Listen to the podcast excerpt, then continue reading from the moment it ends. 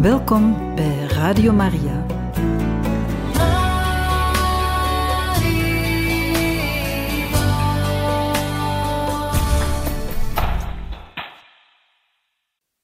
Van harte welkom, beste luisteraars van Radio Maria, bij het programma Catechismus. Vandaag kunnen wij luisteren naar een catechese over Onze Lieve Vrouw van Fatima. Deze wordt ons gegeven door Pater Jan Meus. We laten hem graag aan het woord.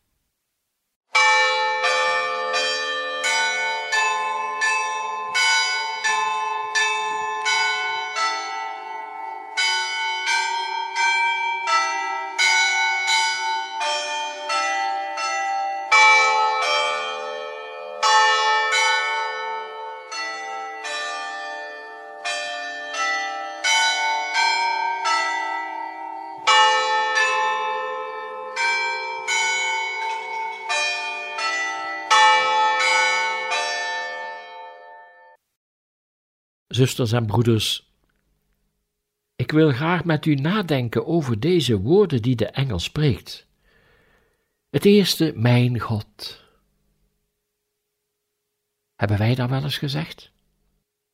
Bij sommige mensen tegenwoordig wordt veel gediscuteerd over God, maar dat is heel iets anders dan hem zo persoonlijk aanspreken. Mijn God. Welk recht hebben we om dat te zeggen? Ik denk dat dat veronderstelt, en bij de engel mocht je dat ook wel aannemen dat het zo is, dat je zijn liefde hebt ervaren, dat je zijn liefde voor u kent, dat je hem waardeert, dat hij alles voor u is. Dan kun je pas zeggen, mijn God. En wat gebeurt er? Deze kinderen, Francesco, Jacinta en Lucia, horen hoe die hemelse stem van die engel vol liefde is en aanbidding, in de klank waarop hij deze woorden uitspreekt. Mijn God. Dat is pure liefde, dat is pure aanbidding, dat is puur licht, dat is bewondering, dat is hulde, dat is God feliciteren met zijn schoonste en diepste eigenschappen. Mijn God. Ik geloof in u. Zusters en broeders, de engel zegt: Ik geloof in u, terwijl hij God aanschouwt van eeuwigheid. Maar deze kinderen hebben God nog niet gezien. En hij zegt dat op zo'n liefdevolle wijze dat de kinderen die woorden overnemen, niet alleen wat betreft de woorden, maar ook de wijze waarop de engel die zegt, met liefde, met aanbidding, met veel schoonheid, puur, zuiver. Wat betekent dat? Wat gaat dat betekenen in het leven van die kleine kinderen? Jacinta is op dat moment zes jaar, haar broertje Francesco zeven en Lucia negen. Mijn God, ik geloof in u. Ik denk dan makkelijk terug aan de zonnefeestdagen dat wij ons geloof beleiden en dan wordt dat dikwijls afgerammeld dat je je schaamt. Menen we daar één woord van? Als het gezongen wordt, is er soms meer kans dat het wordt beleefd.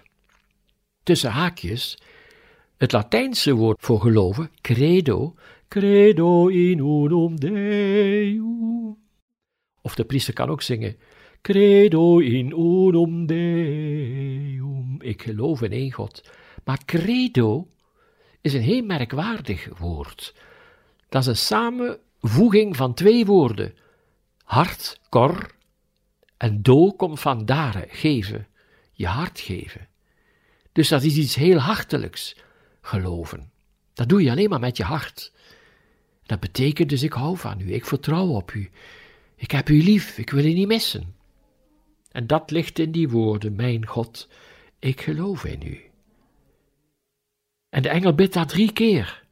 Niet alleen om deze kinderen dat van buiten te leren, maar ook om de houding die de engel heeft tegenover God, steeds dieper in elke keer dat ze het met die engel bidden, met die kinders te delen. Ik denk dat je mag zeggen, omdat Francesco Jacinta zo ontvankelijk waren, dat als zij, als de engel verdwenen is, dit gebed blijven nazeggen, dat hun geloof, hun liefde tot God Want ze zeggen: Ik geloof in u, ik aanbid u, ik hoop op u, ik houd van u. Dat die liefde toeneemt, dat die groeit, dat er vuren komt, dat er een vlammen komt, dat dat steeds intenser en heviger wordt.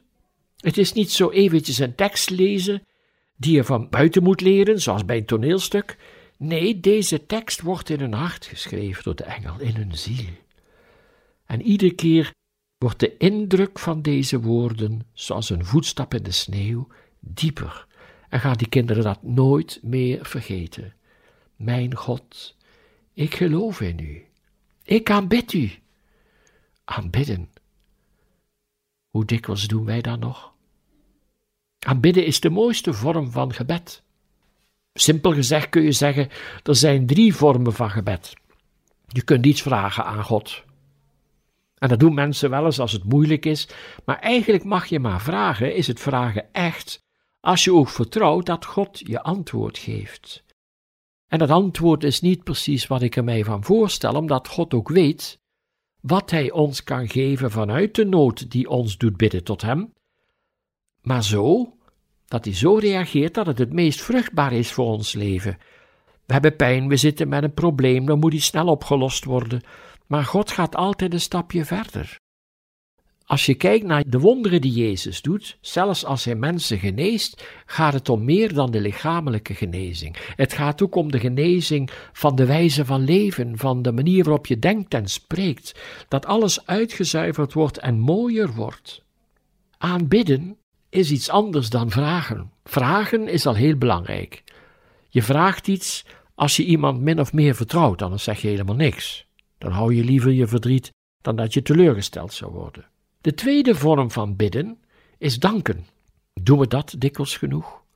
Paulus schrijft ergens in een van zijn brieven: Dank God voor alles. Dat is wel straf gezegd, hè? Als iets meevalt, als er iets fantastisch fijns gebeurt, iets wat we tof vinden, iets wat ons blij maakt, oh ja, dan kunnen we nogal dank u zeggen. Maar dan vergeten we soms. In de Bijbel heeft het woordje dank zeggen aan God een veel diepere betekenis dan alleen maar dank u zeggen voor wat je krijgt. In de Bijbel betekent het ook dat je God dankt voor de reden waarom Hij het je geeft, voor de bedoeling die Hij heeft bij dat geschenk. We hebben ook allemaal wel eens geschenken gegeven, een cadeautje aan iemand, met een bepaalde bedoeling wellicht. Maar nu, als die andere dankt of ontroerd wordt, dan is dat meestal niet door het geschenk, maar door de bedoeling waarom je het geeft. Kijk, en de bedoeling van waaruit je God bedankt, ik bedank u waarom u dit hebt mij gegeven, waarom u die genade hebt gegeven, of deze genezing, of dat ik niet direct ben genezen en daardoor meer aan u ben gaan denken. Want dat gebeurt ook in Fatima, dat bij de verschijningen van Maria Lucia vraagt om genezing van mensen, en bij sommigen zegt onze lieve vrouw, ze moeten zich eerst bekeren. Want als er een wonder van genezing gebeurt, verdient God veel meer aandacht en leven met hem dan tevoren. En God weet dat sommige mensen dat niet gaan doen. En als ze dan die genezing ontvangen en toch niet zich bekeren, wordt hun zondeschuld veel zwaarder. En is een teken van barmhartigheid die zonde niet zwaarder te maken en die zondeschuld, door met die genezing nog te wachten. En daar houdt Maria ook rekening mee als ze tegen Lucia zegt: Ja, maar ze moeten zich eerst bekeren en dan later zal die, of die genezen. Aanbidden is de derde vorm van gebed. De eerste is het smeekgebed. Vragen, maar altijd met vertrouwen. Ik vraag het aan degene die mij geschapen heeft. Ik vraag het aan degene die mij, zoals in Psalm 139 staat, wonderlijk mooi en kostbaar gevormd heeft in de schoot van mijn moeder. Ik vraag het aan degene die zijn zoon heeft gezonden, die tot het uiterste ging om zijn liefde te laten zien, en terwijl hij crepeerde, bleef hij nog beminnen op het kruis. Ik vertrouw hem en daarom vraag ik het. En dan ook een tweede vorm, ik dank hem. God, ik dank u voor dit geschenk en voor de liefde, de aandacht waarmee u dit geschenk hebt gegeven. En daarom wil ik ook meer van u houden. Danken, als je dat echt doet, ook omwille van de bedoeling waarmee God onze geschenk geeft, vergroot onze eenheid, onze band met die God. En dan de grootste vorm van gebed is aanbidding. Dan is het niet omdat ik iets heb gekregen of iets nodig heb, maar alleen omwille van God zelf. God, u bent zo groot, zo mooi, zo aantrekkelijk, zo heerlijk, zoals ik u herken in uw schepping en ook het mooiste in mijzelf en in de anderen, dat ik u wil aanbidden en prijzen en loven, zoals Maria doet in haar liefdeslied, het Magnificat. God groot maken. Magnificat betekent letterlijk mijn ziel, anima mea, mijn ziel, maakt u groot, magnus vaatje. Ik til u boven mij uit, ik, zoals een vader zijn kind trots in de lucht steekt, omdat hij van dat kind houdt, zo tillen wij als het ware geestelijke zien God boven ons uit. Ik aanbid u. U bent groter dan ik, dan al wat ik ken en, en kan en bemin. U bent de grootste. Ik wil u geven waar u recht op hebt. Aanbidding. U verdient het. Alle aandacht, alle liefde, alle lofprijzing. Dat ik voor u zing, dat ik het beste van mijn leven maak, omdat u zoveel verdient. Omwille van de persoon en de waardigheid van God aanbidden. En op aanbidding rust ook heel bijzondere zegen, wat deze kinderen ook hebben gemerkt, terwijl ze dit gebed van de engel drie keer herhalen en daarna blijven bidden. En zo dikwijls heel een aardse leven door. Ik aanbid u, ik hoop op u, hopen op God. Is soms lastig, omdat we ook met onze gevoelens zitten die ons soms zo bang maken. Maar daarom is het ook belangrijk om met uw engel te spreken of met onze lieve vrouw, dat ze u sterken in uw vertrouwen op God. Gevoelens kunnen mensen verlammen, kunnen mensen overweldigen, ook kwetsuren en verwondingen van dingen die we vroeger hebben meegemaakt of hebben moeten missen. Daarom is het belangrijk dat die genezen, dat we daarvan bevrijd worden, dat we tot vol leven komen. Broeders en zusters, op God kunnen hopen, dat kan als van binnen alles goed is. En God is zo lief en zo wonderlijk dat Hij ons kan bevrijden en genezen en herscheppen. En ik kan dat doen langs onze engelbewaarder om. Daarom is het zo belangrijk dat we een vriendschapsrelatie met die engel hebben. Dat is onze hemelse vriend die van het begin tot het einde van mijn aardse leven bij mij is. Ook nu hier in de studio, ook naast u terwijl je zit op een zetel of op een stoel of in uw auto of misschien ligt in uw bed. Uw engel is vlak bij u. Spreek met hem. Zeg hem alles wat je belangrijk vindt. Vraag hem wat je nodig hebt, maar dank hem ook. En vertrouw hem alles toe. Want door de engel kan God u ook openbaren hoe hij u lief heeft, door de aandacht van de engel, door de wonderen die de engel kan doen. Dat u kan troosten, dat je ineens een lichtstraal in u voelt die de engel u schenkt omdat God het wil. Ik houd van u. Ik ken mensen, en ik heb ook gekend die al jong overleden zijn, die van Jezus hielden. Die over hem konden spreken als ze hem gezien hadden. En dat was omdat hun hart zuiver was als dat van een kind. Zoals dat van Francesco, Jacinta en Lucia, die dit prachtige gebed van de engel leren en dat herhaald hebben. En dan, dan gaat je liefde groeien. Want een gebed dat vanuit de hemel komt, dat van een engel komt, dat van Jezus komt, dat God zelf zijn volk heeft gegeven door koning David in de psalmen en door een boek Daniel en ga zo maar door. Ook door Johannes, hè, die in het laatste boek van de Bijbel, het boek Openbaring of Apocalyps, ook bepaalde gebeden schrijft, die we ook in het getijdengebed bidden. Ja, als je dat bidt, daar zit een gloed in van God die dit gebed geïnspireerd heeft. En dat is ook met die kinderen. Als ze dit gebed blijven herhalen, wordt de aantrekkingskracht van God zelf, die dit gebed uitgedacht heeft voor deze kinderen en voor ons, steeds sterker. Als God je aantrekt en je laat je aantrekken, je laat je gaan naar God toe, je stribbelt niet tegen, je werpt de ballast weg die je hindert, dan kom je tot intimiteit met God. En dat is zeker ook het geval voor Francesco, Jacinta en Lucia, die dit prachtige gebed talloze keren hebben herhaald. En ik voor mijzelf, zusters en broeders, ik bid dit heel graag in stilte tijdens de consecratie van de mis. Wanneer ik Jezus woorden heb gezegd met het ongedecemde brood, de hostie in mijn handen, en ik weet, nu heb ik Jezus vast, nu mag ik Hem in mijn handen houden, dan bid ik altijd dit gebed. Mijn God, ik geloof in u. Ik aanbid u. Ik hoop op u. Ik bemin u. Ik vraag u vergiffenis voor hen die niet in u geloven, u niet aanbidden, niet op u hopen en u niet beminnen.